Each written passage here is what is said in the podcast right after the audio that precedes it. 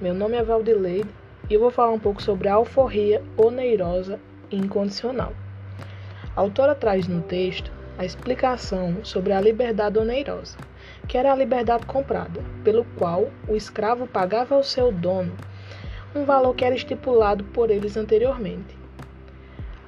A alforria oneirosa era, na sua maior parte, incondicional, ou seja, ao final do pagamento da dívida, o escravo estava totalmente livre e recebia a sua carta de alforria. Mas algumas vezes o patrão não seguia com o combinado, como por exemplo, a autora usa o exemplo de Antônio Minas, o escravo que foi buscar os seus direitos na justiça, pois o seu patrão, Antônio Martins Corvo, negou a sua carta de alforria mesmo o escravo já tendo pago 40 mil réis em várias parcelas, o que era considerado uma alforria oneirosa e incondicional. Porém, Martins Corvo falou que só aceitaria dar a tão sonhada carta de alforria a Antônio Maia se ele continuasse aos seus mandatos, e a liberdade seria considerada gratuita.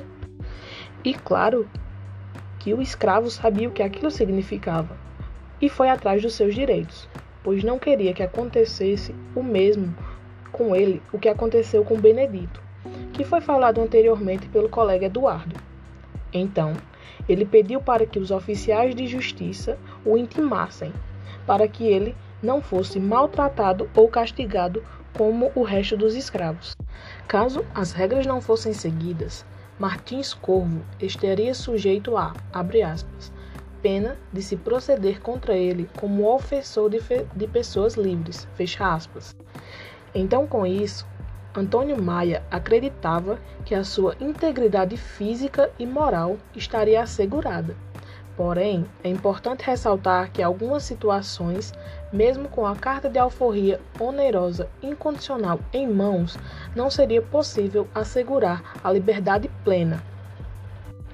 Pois, se mesmo livre, o liberto continuasse em companhia dos seus patrões, os deixando mantê-lo com a mesma relação, ou seja, o tratando do mesmo jeito que antes das cartas. O texto cita como exemplo Caterina Gonçalves, que denunciou o seu dono Antônio Gonçalves da Gama por tratá-la do mesmo modo pelo qual ele tratava os outros escravos. Ela deixa claro que queria apenas o direito de usufruir a liberdade e para que ele parasse de tentar coagi-la e violentá-la. No, no texto não deixa explícito o que aconteceu, mas deixa claro que algo afetou a relação da escrava Caterina com seu patrão Antônio, pois, mesmo depois da alforria de Catarina sair, ela continuou na casa do seu patrão. O caso foi levado à justiça e no dia do julgamento ele não compareceu.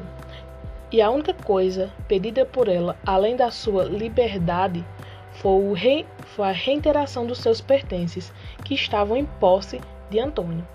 Ele não chegou nem a mandar um advogado para sua defesa e mandou os pertences de Caterine.